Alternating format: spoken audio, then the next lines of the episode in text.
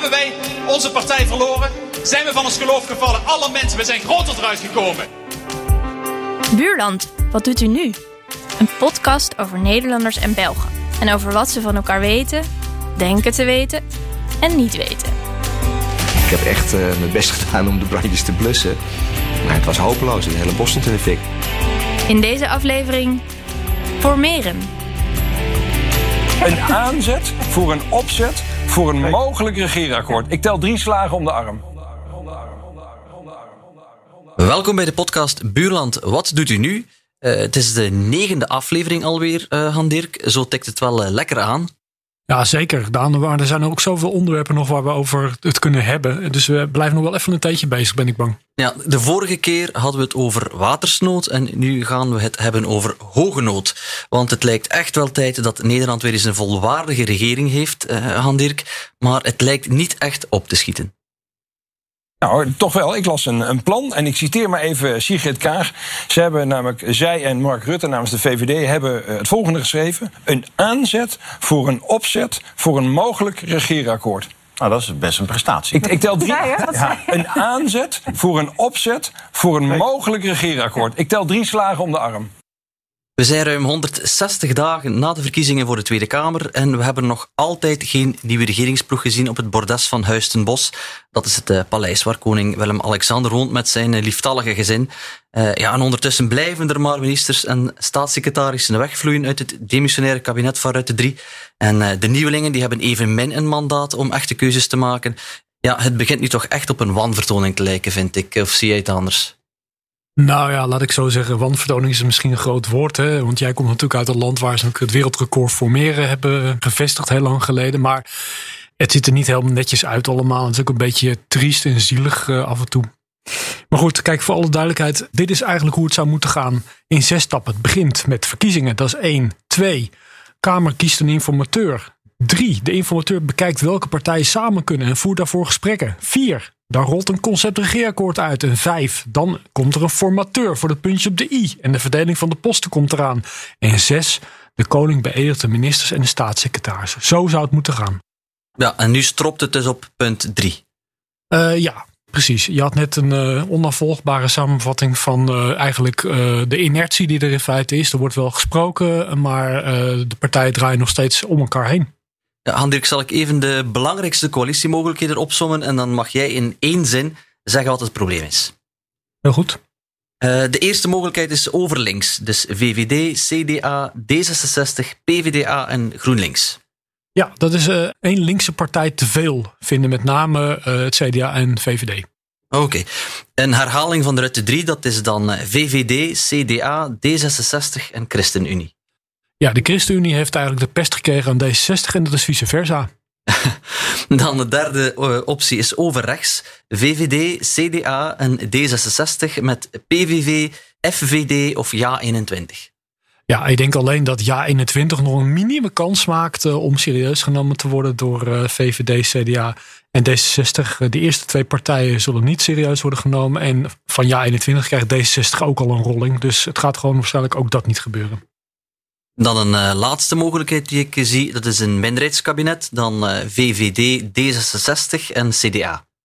Ja, dat hebben we wel eens gedaan in een gedoogconstructie. Daar komen we straks over te spreken. Maar het is eigenlijk uh, niet des Nederlander, zo gezegd, een, een minderheidskabinet. Ja, als mensen hier in Nederland zeggen dat het moeilijk of moeizaam loopt, dan uh, moet ik toch altijd even met de ogen knipperen. Want uh, ik denk bij moeilijke of moeizame regeringsvormingen natuurlijk vooral aan België. En daar hebben we misschien wel de moeilijkste formaties ter wereld. En je zei het er net al, Han-Dirk, we hebben een wereldrecord regeringsvormen geboekt in 2010, 2011, toen het 541 dagen duurde om een landelijke regering op de been te brengen. En uh, ja, je kan daarvan zeggen dat we eruit geraakt zijn zonder elkaar het hoofd in te slaan. Maar het is voor de rest toch uh, vooral een voorbeeld van hoe het niet moet natuurlijk. Ja, hoe slagkrachtig en enthousiasmerend kan een regering zijn die met hangen en uh, wurgen tot stand is gekomen. En uh, je kent misschien die uitdrukking dat onder hoge druk diamanten worden gemaakt. Wel, je kan je inbeelden welk juweeltje van de regering er voortvloeit uit 541 dagen onderhandelen. Maar goed, ik dacht toch, uh, zoals het goede buren betaamt, uh, dat ik jou wat tips en tricks zou kunnen geven over wat ze in België allemaal hebben geprobeerd om de boel vlot te trekken. Maar uh, dan moet je mij misschien, Han Dirk, eerst nog wat achtergrond geven bij de karakteristieken van de formaties hier in Nederland. En dan kan ik onderweg een beetje mijn adviezen fine-tunen.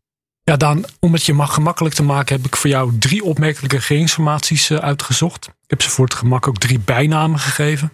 En we beginnen dus met de spookregering. En daarna wil ik graag spreken over de gedoogregering. En daarna over, ja, wat ze neemt, de potverteerregering. Ze klinken alle drie heel aantrekkelijk, maar met de spookregering ben ik meteen super gefascineerd. Ja, kijk, je moet het zo zien. In mei 2002 boekte het CDA een eclatant succes met Jan-Peter Balkenende als lijsttrekker. Ze hadden 43 zetels binnen en er was een winst van 14 zetels. Maar de lijst Pim Fortuyn die won 26 zetels vanuit het niets. Met een dode lijsttrekker, want negen dagen voor de verkiezingen was Pim Fortuyn in Hilversum doodgeschoten. En je kunt dus eigenlijk zeggen dat zijn geest over die hele formatie uh, eigenlijk rondspookte. En de grote verliezer van die verkiezingen was de PvdA, die 22 zetels verloor ten opzichte van 1998. En uitkwam op 23. Daar zouden ze nu overigens een moord voor doen. Uh, verkeerde grap. dat denk ik ook. Nu staan ze op 9. Maar PvdA-leider Melker, die was bij de campagne van Fortuyn echt een gebeten hond. Die werd ook gewoon in de maling genomen door Pim Fortuyn. Uh, na de moord op Fortuyn was het politiek klimaat in Nederland natuurlijk super toxisch. Want ja, al snel ging het verhaal dat de kogel van links kwam. En waarom was dat? Omdat de man die werd aangehouden voor het doodschieten van Fortuyn inderdaad een linkse activist Volkert was. van der Graaf uh, is dat toch, hè? Zo is het. Volkert van der G, schuine streep van der Graaf. Het probleem was alleen, kijk, je kunt 26 zetels halen bij de verkiezingen. Uh, maar dat was een totaal nieuwe partij. En eigenlijk bestond die fractie gewoon uit ja, er waren wat uh, politieke vaardige lieden, maar er zaten er ook gewoon veel prutsers in. En dat gold ook voor de bewindslieden van de LPF. En die begonnen eigenlijk gelijk met elkaar te ruzie. Met als dieptepunt was dat de animositeit tussen de econoom Eduard Bomhoff. Die werd minister Volksgezondheid. En Herman Heinsbroek, een voormalige platenbaas. Iedereen die heeft van die oude cd's, van die alle 13 goed. Ja, en die, deze man van de verzamel-cd, die werd minister van Economische Zaken. En die had het idee dat hij ontiegelijk veel in zijn mars had. En ja, hij was ook gewoon een flamboyant figuur. Schepte op over zijn Bentley. Hoefde geen dienstauto van het Rijk te hebben. Maar die Bentley had hij al, waarom niet? Met een chauffeur. Was allemaal al geregeld. En ondertussen jende die eigenlijk dat die Bomhof, ja, die was aan het consumeren. Het was een huiskamergeleerde, dat soort werk en zo. Nou, die schermutselingen, dat onderlinge gezeur tussen die twee, dat leidde volgens sommigen dan tot de val van het kabinet. Al na 87 dagen. Maar Bomhoff, die had eigenlijk bij een grote terugblik toch een iets andere visie op wat er is pas gebeurd. We luisteren nu even naar een paar LPF-kopstukken uit die tijd. Ja, dat was eigenlijk voor het eerst in, uh, in een half jaar. Was dat het moment uh, dat ik uh, opgelucht en blij was dat de klus geklaard was. En ik vond ook een beetje dat ik mijn plicht gedaan had, die ging Pim.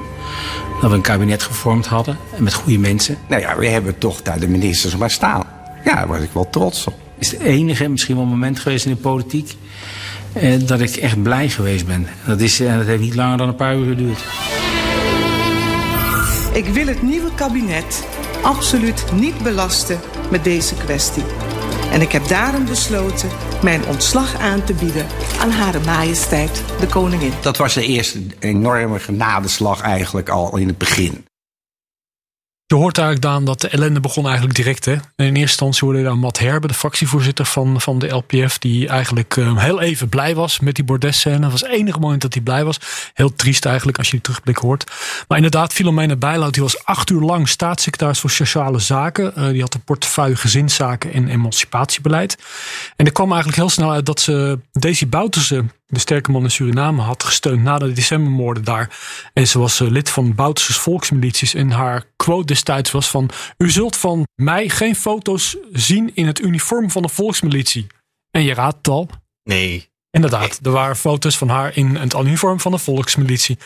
Maar vervolgens, dat was eigenlijk pas een, het eerste probleem. Er ontstond eigenlijk gewoon een enorme leiderschapsstrijd binnen de LPF. En er is echt continu ruzie. Er was al elke dag wel weer wat te beleven. Steeds die openlijke ruzies. Het is leuk kijken s'avonds op tv, maar daar houdt het ook mee op. Vechtpartijtjes. Vechten? Jongens, jongens. Hey, nou is het klaar met je collega's, anders ga ik ook mee. Het begint langzamerhand natuurlijk toch wel een beetje blamage te worden. En het is vooral buitengewoon jammer.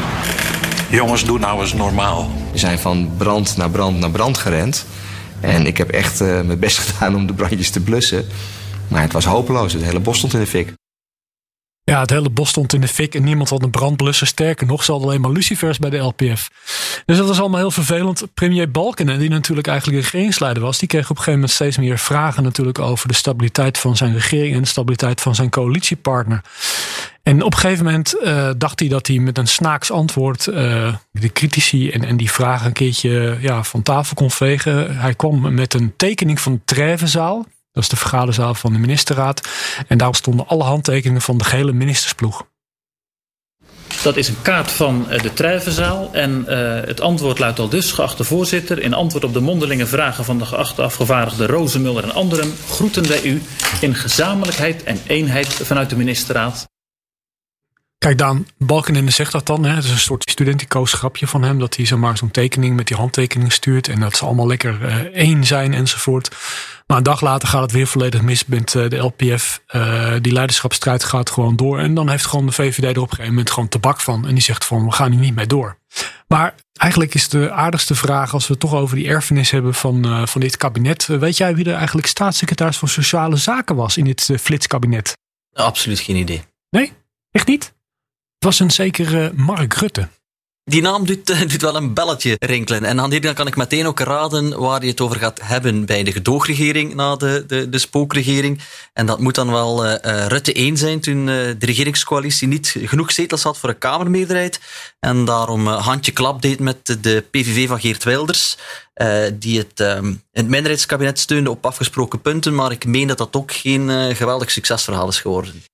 Uh, nee, kijk, je moet uh, voor het volledige verhaal denk, je, denk ik wel de voorgeschiedenis kennen. In 2010 uh, leidt de regeringspartij CDA echt een rampzalige verkiezingsnederlaag. Hè. Dus Balkenende is heel lang aan de macht geweest.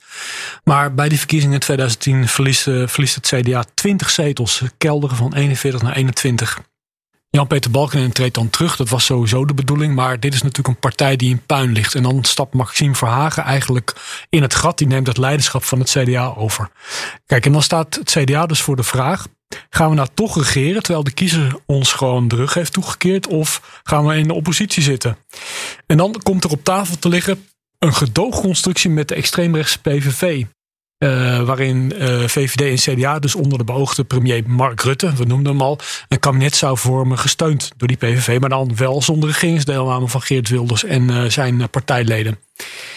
Ja, de vraag wel of niet samen te werken met de PVV, die heeft eigenlijk op dat moment de Christen-Democraten in Nederland totaal gespleten. En het CDA schreef een congres uit om de leden te laten bepalen of die dit kabinet nou eigenlijk wel wilden. En dan kom je eigenlijk, zeg maar, bij een stukje historische tv zou je bijna kunnen zeggen. Uh, dat congres werd ook live uitgezonden op televisie. Uh, waarin Camille Eurlings, heel lang was dat eigenlijk de kroonprins van het CDA. De jonge, jonge gast, zeg maar, die al vroeger als talent te boek stond. Ook in het Europees parlement actief werd. Voormalig minister van Verkeer en Waterstaat. Later gecrest bij de KLM. maar op dat moment is dat nog niet gebeurd. Hij is kroonprins en hij komt met een even gênante als brisante speech. waarin hij de leden uh, van het CDA richting de constructie met de PVV dirigeert. Ik herinner mij, ik ben nog niet zo oud, maar ik herinner mij acht jaar geleden. Toen gingen wij een coalitie aan met de LPF van Pim Fortuyn, die zei dat het moslimgeloof een achterlijk geloof en een achterlijke cultuur was. Wij gingen geen gedoogcoalitie aan, maar een echte coalitie. En we waren daar breed voor. Ook Ernst Heers Berlin was daarvoor. Hebben wij onze partij verloren? Zijn we van ons geloof gevallen? Alle mensen, we zijn groter eruit gekomen. En ik vertrouw het onze leiding toe.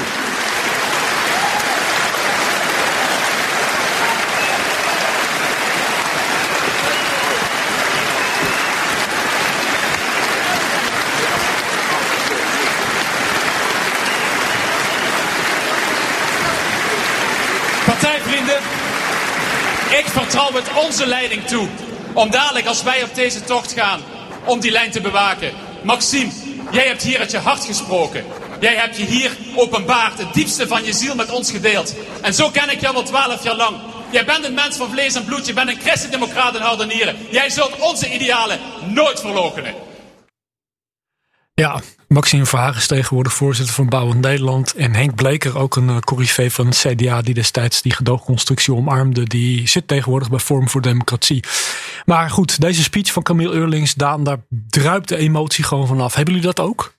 Ja, het is bijna pathetisch. Uh, ja, wij hebben uh, zoiets. Er is een legendarisch voorbeeld van, uh, maar dat ging destijds niet om een gedoogakkoord, want dat kennen wij in België eigenlijk niet. Maar wel om het terugkomen op een gemaakt akkoord toen de regering eenmaal was gevormd. En daarvoor moeten we eigenlijk terug naar 2004, een jaar nadat het tweede kabinet Verhofstadt was aangetreden en een jaar voor de gemeentelijke verkiezingen. En de gemeentelijke verkiezingen dat is belangrijk, want die coalitie van liberalen en socialisten had in het regeerakkoord afgesproken dat er een gemeentelijk stemrecht zou komen voor migranten. Maar binnen de VLD van Verhofstadt klonken steeds meer stemmen om dat toch niet laten doorgaan en de gemaakte afspraken dus te doorstrepen, want dat lag heel gevoelig eh, binnen die partij, dat uh, migrantenstemrecht. Er kwam, uh, net als bij het CDA, een speciaal congres en uh, die resolutie, of dat uh, nu wel of niet moest doorgaan, dat migrantenstemrecht, die kon beide kanten uitgaan. Dank u, voorzitter. Wat wij vragen met onze derde resolutie is het dossier terug op de regeringstafel te brengen. Maar niet te fout om daar het risico over te nemen dat de regering kan vallen. Ik vind dat dit standpunt terug tussen hier en een paar weken op de regeringstafel moet. Ik zet dat congres voor en naarmate dat iemand voor het migrantenstemrecht tussenkwam, zag je een beweging in de richting van het migrantenstemrecht. Was er iemand die tussenkwam tegen het migrantenstemmen in de richting van tegen het migrantenstemrecht. Dus dat uh, was een soort van deinende zee voor mij. Hè. Die zaal zat ook stampvol. Dat was Karel de Gucht die destijds bij dat congres was.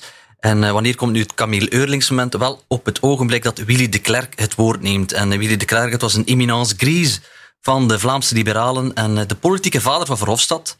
En uh, ja, volgens de Klerk zou de resolutie die voorlag om het migrantenstemrecht af te keuren leiden tot een crisis binnen de partij en daardoor ook binnen de regering met vervroegde verkiezingen als gevolg, ja, waardoor de liberalen zouden worden afgestraft, want zij zouden een factuur moeten betalen voor het laten vallen van die regering. En hij neemt dus het woord en dat is echt een hele emotionele toespraak.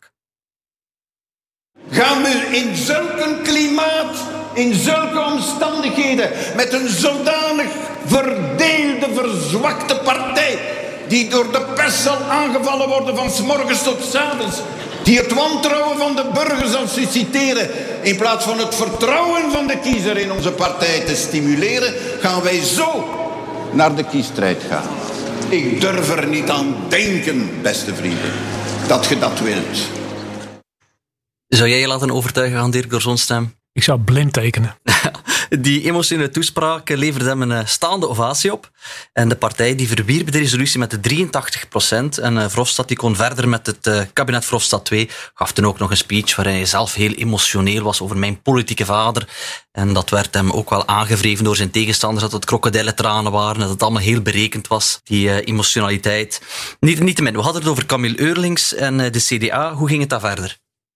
Ja, kijk, ik denk, uh, we hadden in 2010 dus dat, uh, dat kabinet Rutte 1 met, met de gedoogconstructie. Uh, dat leverde een coalitieakkoord op waar Geert Wilders dus in feite ook zich aan had gecommenteerd. ja, Mark Rutte betitelde dat als een akkoord waar rechts Nederland zijn vingers bij kon aflikken. maar ja, het was in 2012 wel klaar met het likken, want we kregen toen plotseling te maken met, uh, vanwege de eurocrisis ook uh, onder andere, met de noodzaak om fors te bezuinigen. Ja, en daar wilde Wilders eigenlijk zijn handen niet, uh, niet aan branden. Dus was het afgelopen met het kabinet. Je moet wel zeggen dat die hele kwestie van het samenwerken met de PVV, eigenlijk het CDA, hè, wat toch altijd een hele stabiele coalitiepartij was, jarenlang problemen heeft, heeft bezorgd. Kijk, er waren in 2012 nieuwe verkiezingen nodig. En het CDA leverde toen nog eens een keertje acht zetels in, hè, van 21 naar 13. En inderdaad, oké, je kunt zeggen in 2017 wonnen ze er weer zes terug. Maar een echte comeback naar het niveau van Weleer, echt naar een stabiele coalitiepartij die echt 20 plus zetels heeft of zo. Dat, die heeft eigenlijk bij het CDA niet meer plaats gehad sinds zeg maar, die samenwerking met, uh, met de PVV. En sommige commentatoren die denken eigenlijk dat de partij nog steeds gespleten is. Hè, tussen die vraag van zijn we nou een brede middenpartij of concurreren we met de VVD om de kiezer op rechts. En ook Wopke Hoekstra heeft dat bij de laatste verkiezingen dus ook niet kunnen oplossen. En ook ja, zie ook de kwestie omzicht, daar speelt dat ook een beetje. Ja, nuttig om, uh, om te weten en uh, in zekere zin ook uh, wel herkenbaar. Want ook in België hebben de Christen-Democraten hetzelfde probleem. vroeger lagen ze altijd in het midden van het bed en deden zo altijd mee aan het landsbestuur. Ze waren wat uh, zoals het dan heet. Uh, regeerden ze met de liberalen, dan uh, rolden ze naar links in het bed. En uh, regeerden ze met de socialisten, dan we ze aan de rechterzijde tegen gas. Maar nu ja, is het toch beter te vergelijken met iemand die in het midden van de weg loopt. die wordt vroeg of laat overreden. En dat is in België ook gebeurd met de, de Christen-Democraten. Want ja, als je in de regering zit en tegengas geeft, dan vinden de andere coalitiepartijen binnen de regering dat niet fijn. En voor de oppositiepartijen buiten de regering is het nooit goed genoeg. En uh, een paar jaar geleden zaten de CD&V, dus de Vlaamse Christendemocraten, die zaten zo in een federale regering en konden onmogelijk goed doen. En want die coalitiepartijen die uh, vielen de partij aan omdat ze veel te veel de oren zou laten hangen naar wat de vakbonden wilden. Terwijl de oppositie riep dat de CD&V de werknemers had uitverkocht. Uh, dus dat was echt een, een spagaat. En het is heel moeilijk om daar als brede middenpartij nog um, ja, een verhaal van te maken, omdat net wat er staat, brede middenpartij, wordt een heel smal deel. Het wordt, uh, het wordt een hele kleine partij, want waar sta je dan eigenlijk nog uh, precies voor? En in België natuurlijk, want het blijft uh, België, daar komt daar de eeuwige taalas bij, waarbij een partij enerzijds Vlaamsgezind genoeg moet zijn om de flaminganten te verleiden, maar niet te flamingant mag zijn, omdat het anders voorkomt dat je kan regeren met Franstalige partijen. En dat verklaart ook de diepe identiteitscrisis waarin niet alleen de CD&V, maar eigenlijk ook de Vlaamse socialisten verkeren. Ja. Han we zijn uh, door de spookregering gegaan, de gedoogregering, en je had een derde, wiens naam nu even ontschiet. Ja, tot slot hebben we natuurlijk de potverteerregering. Als je oudere conservatieve Nederlanders hoort, dan beginnen ze altijd te spugen over het eerste en enige kabinet uh, Den Uyl. Uh, ik weet dat Joop den Uyl de naam is, maar veel meer moet ik zeggen, weet ik er ook niet van. Nee, kijk, Joop den Uyl was gewoon de, de iconische voorman van de Partij van de Arbeid in de jaren 60, 70 en een klein beetje nog van de jaren 80. Hij heeft eigenlijk maar één kabinet geleid. Uh, het kabinet Den Uyl 1. en er is ook geen 2 of 3. 1973, 1977. En uh, op een of andere manier heeft dat kabinet heel veel woede veroorzaakt bij, uh, bij rechtsconservatief Nederland. En waarom was dat? hij wilde het geld laten rollen. En dan denk je van ja, waar, waaraan dan? Hè? Nou, het ging bijvoorbeeld over verhoging van de AOW, hè, de oude dagsvoorziening. Het ging over verhoging van de bijstand. Kijk, en op een of andere manier in het Nederlandse, zeg maar, in de Nederlandse politieke psyche is potverteren echt het ergste politieke verwijt dat je iemand in de Nederlandse politiek werkelijk kan maken. Het is een soort kogel eigenlijk die je afschiet aan iemand. Maar goed, Joop de Nijl heeft dat plakkertje gekregen van het potverteren. Uh, kijk, het grappige is dat in zijn enige kabinet waren ook de christendemocratische partijen KVP, dus de katholieken, ARP en de protestanten, die zaten hier ook in, hè, als mede D66 en de linkse partij PPR. En het was echt een enorme coalitie, hè, 97 zetels van de 150. Dus het zou tamelijk stabiel moeten zijn, zou je zeggen. Dus dat vermeende potverteren werd eigenlijk heel breed gedragen destijds, dus ook door de christendemocratische partij toch haalde ze maar dat kabinet niet de eindstreep. Uh, doordat KVP en ARP uiteindelijk toch uit de coalitie stapten. Er was al de hele tijd frictie tussen Den Uyl en, en het CDA-voorman uh, Dries van Acht. Die is later overigens uit die partij gestapt op hoge leeftijd. Redelijk recent. Uh, Kijk, en dan denk je van oké, uh, wie dan breekt, zeg maar, die moet betalen. Nou, dat valt eigenlijk wel reuze mee, want de PvdA heeft niet gebroken, maar won 10 zetels uh, vervolgens bij de verkiezing van 77. Van 43 naar 53. Hè. Komt dan nog eens om tegenwoordig. Maar Dirk, als de PvdA 10 zetels wint, waarom is er dan geen kabinet Uyl 2 gekomen? Duidelijk beloond voor het beleid dat gevoerd is. Dat is een hele goede vraag. En uiteindelijk uh, heeft dat alles te maken met het wantrouwen dat uh, gewoon al bij Den Uyl 1 gezaaid was tussen uh, het CDA en, en Den Uyl zelf. En er was dus ook gewoon sprake van een soort persoonlijke nood. Dries van Acht, de CDA-voorman, we noemden hem al, die had ook echt ja, een soort. De kleinmenselijke verhoudingen waren niet optimaal. Dit ging echt over de poppetjes. En dat is nou precies wat er ook misging met, uh, met het kabinet Den Uyl 2. Hè. Dus, dus ontiegelijk lang voor Nederlandse begrippen onderhandeld om te proberen om toch Den uh, 2 te formeren. Met dus inderdaad CDA, D66 en weer PvdA. Maar het onderlinge wantrouwen was gewoon simpelweg uh, te groot. Uiteindelijk is het gewoon mislukt en heeft de CDA gewoon besloten om met de VVD in zee te gaan. En ja, die hadden een maandje met elkaar praten nodig. En Dries van Acht volgde Den Uyl gewoon op als premier. Je moet tot 75 kunnen tellen, zoals het dan uh, heet. Dirk, ik denk dat ik genoeg weet. Zal ik een paar suggesties doen uh, die kunnen helpen misschien om jullie formaties vlotter te doen verlopen? Elk advies is nu op uiterst welkom, zou ik zeggen. Ik wil wel alvast één grote kanttekening maken. En dat is dat het niet gezegd is dat ze ook hebben gewerkt in België. Eh, ik kan enkel met zekerheid zeggen dat het uh, daar is geprobeerd. En dikwijls meer dan één keer. Het is, uh, ja, het is niet uitgesloten dat het ezels zijn die zich keer op keer aan dezelfde steen stoten. Maar goed, ze blijven het proberen. Dus ik vermoed dat er toch wel enige werkzame kracht van uitgaat. Dus de eerste is, schud last pakken van je af. Want je kan binnen een partij verschillende facties hebben die regeringsdeelname in de weg staan. En het kan dan een oplossing zijn om die uh, buiten te bonjouren. En uh, dat hebben we bijvoorbeeld gezien in België met het kartel CD&V en NVA. En NVA, dat uh, ken je tegenwoordig als de grootste partij van het land. Maar ooit was de NVA een eensmanspartijtje. Dat was overgebleven van wat de Volksunie was. En om levensvatbaar te blijven, sloot het zich in 2004 aan bij de CD&V. En dat zich zo sterker wou profileren als een Vlaamsgezinde partij. En dat werkte wonderwel. En het kartel dat boekte bij de landelijke verkiezing van 2007 een mooie overwinning. De verkiezingen van 2007 draaien uit op een zware afstraffing voor de Paarse regering Verhofstadt. De kiezer heeft gestemd voor een andere meerderheid dan degene die het land de afgelopen acht jaar heeft bestuurd.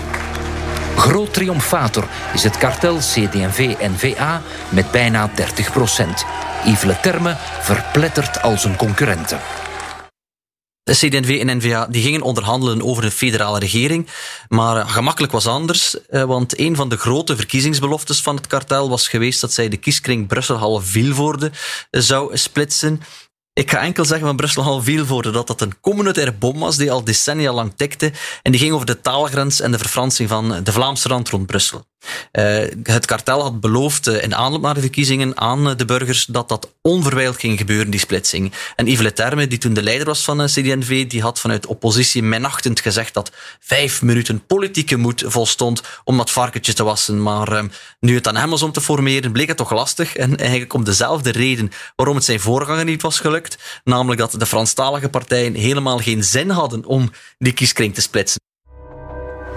En dan begint de grote miserie. Het kartel moet nu waarmaken wat het beloofd heeft, een grote staatshervorming. En dat stuit op weerstand en onbegrip bij de Franstaligen die geen vragende partij zijn. De onderhandelingen starten in het kasteel Hertoginnedal en draaien daar volledig in de soep. Bij NVA begint het wantrouwen te groeien. Leterme heeft bij de verkiezingen goud in handen gekregen. Het zal veranderen in lood. Maar CD&V die wou regeren en die besloot na zes maanden onderhandelen toch gewoon een regeringscoalitie te smeden zonder harde garanties om die vermaledijde kieskring dus te splitsen. En daar wou de NVA niet van weten en het blies het kartel op. Die ontlading van te zeggen, het is nu ook voorbij en wij blijven ervoor gaan. Ja, in de hoofden van militanten is die natuurlijk ontzettend groot. De handen gaan massaal omhoog bij de vraag wie tegen de regering Leterme stemt dat bevestiging dat dat ook effectief zo was op dat moment. En we nog eerder het onzekere lot van een stand-alone wilden uh, riskeren. Dat gaf een enorme ontlading in de zaal. Het was bijna een feestvreugde op de begrafenis van het kartel. Dus voor de buitenwereld leek het bijna een zelfmoord. Maar in die zaal was een feeststemming, omdat die militant zag... deze partijtop is inderdaad true blue. Nu, eh, de NVA zou daar later heel veel garen van spinnen van dat debakkelen. En uh, veel groter worden dan CD&V. Dat dus uh, ja, um, nogal werd afgestraft voor dus die gebroken beloftes. Maar mijn punt Dirk, is dat op korte termijn het ja, een les kan zijn voor Nederlandse politici om hardliners in de partij te negeren of er zelfs uit te duwen.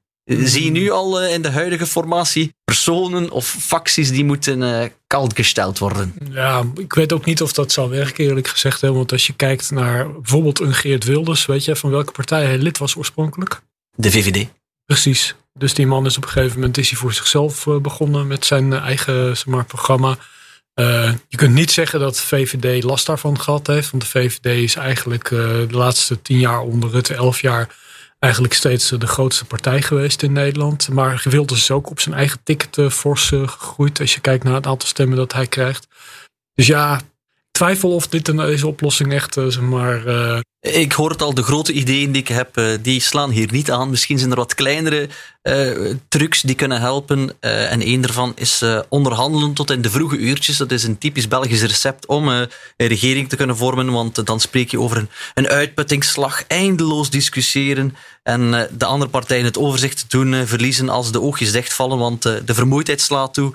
Er is een gevoel dat het de laatste rechte lijn is. Je krijgt dan ook sommige vage passages waarin ze alles wegmoffelen waar ze het dan toch niet meer over eens zijn. Of ze gaan de vis verdrinken in het groter water door er heel veel dingen bij te halen en niemand heeft nog enig, enig overzicht. Heb je dat ook in, in Nederland, die cultuur van tot de vroege uurtjes door onderhandelen in de laatste rechte lijn? wat je nu schetst, de constructie of, of, of de aanpak die je schetst, is vooral eigenlijk ook, zeg maar, denk op het Europees politieke niveau speelt dat bij Europese toppen. Misschien een andere klassieker. Uh, vertrekken met slaande deuren. Hè. Er uh, is ook uh, een goed dramamoment in te lassen. En een ervan dat ik mij herinner was Di Rupo. Dus Elo Di Rupo, die formateur was in 2011. En die sloeg toen de deuren dicht. kort nadat hij had geroepen: steltje onverantwoordelijke mensen en uh, hij zei, ik ga naar de koning en ik uh, dien daar mijn ontslag in. Ik ben er klaar mee. En die Rupo die had dat uh, allemaal goed in scène gezet, want de zwaantjes, dus de, de politie die op de motoren zit, die stonden buiten al klaar en de ambtsauto stond ook al klaar om naar het paleis te gaan. Dus nog voordat hij zijn uitbarsting had, had hij zich al voorgenomen om naar de koning te gaan. En het was ook duidelijk in een tweetje. De koning vroeg, kan je dat ontslag nog een paar dagen in beraad houden en uh, dan uh, komen we erop terug. En in die periode is er toch nog gemasseerd geweest en uiteindelijk heeft Europa dan toch uh, nog kunnen een, een, regering vormen. Maar dat is maar een truc die één keer werkt. Dat kan inderdaad niet altijd werken, daar ben ik het mee eens.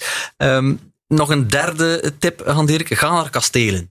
In België is dat een traditie om uh, bij moeilijke onderhandelingen je af te zonderen. En dan ga je bijvoorbeeld naar het kasteel van Hertoginnendal, het kasteel van Vollezelen, het kasteel van Ciernion of het Egmontpaleis. En uh, het idee is dat je een plechtig sfeertje hebt, ruimte genoeg om elkaar diep in de ogen te kijken, een wandeling te maken in het park, rustig te praten. En die pers die staat dan lekker ver aan de poort te wachten, dus dat geeft, geeft al het rust. Je kan ook altijd de koning inschakelen uh, door die met de vuist op tafel te laten slaan. Of tenminste, het kan ook vanuit de man zelf komen. En dat is in elk geval wat koning Albert deed toen na een paar uh, honderd dagen van onderhandelen uh, de gesprekken op sterven na dood waren tijdens die hele lange regeringsvorming waar we al naar verwezen hadden. En hij was toen echt boos en zei dat iedereen moet toegevingen doen en zijn verantwoordelijkheid nemen. Kan in Nederland Willem-Alexander ook zo'n rol spelen? Ja, ik denk dat dat heel lastig zou zijn. De, de vraag is een beetje van uh, hoe je natuurlijk gewoon uh, het staatshoofd weegt. Uh, mocht hij nou daar twintig jaar zitten als vorst, uh, dan zou je kunnen zeggen van hey, het loopt de spuigaat uit. Ik heb dat in twintig jaar koningschap, heb ik dat niet meegemaakt. Dan zou dat aankomen. Maar je moet ook eerlijk zijn dat op dit moment heeft, heeft onze huidige koning gewoon nog niet de statuur bijvoorbeeld van zijn moeder. Oké, okay, Han Dirk, en dan de laatste en de meest cynische truc die in België wordt gehanteerd is wachten, wachten en nog eens wachten. En dat komt erop neer dat je de boel laat verrotten. Want de druk om een regering te vormen die is soms eh, groter in Vlaanderen dan in Wallonië. En soms is dat omgekeerd. En degene die kan zeggen, on est demandeur de rien, die geeft een voetje voor. En dat is bijvoorbeeld wat de PS destijds zei om de NVA op de kast te jagen. Jullie willen het land splitsen, wij niet. Het lijkt er verdorie veel, eh, veel, veel op dat op dit moment daar wel een beetje sprake van is. Hè? Want dat getraineer, eh, dat, dat je op dit moment bij dat eh, formeren ziet. Maar goed, Daan, als ze, als ze in Den Haag nou nog niet met al die goede tips en al die voorbeelden die wij hebben gegeven, als ze nou nog niet in slagen om snel een regering te vormen, kijk, aan ons heeft het gewoon niet gelegen. We moeten hoopvol blijven aan Dirk. We moeten nog zeggen dat de geluidsfragmenten in deze aflevering afkomstig waren van Op 1, 1 Vandaag, NOS en VRT. Ja, en hartstikke bedankt om te luisteren. En eh, klik op de volgknop in je app als je dat nog niet gedaan hebt. En stuur deze podcast ook door naar een politicus die volgens jou gebaat is bij onze snelcursus formeren.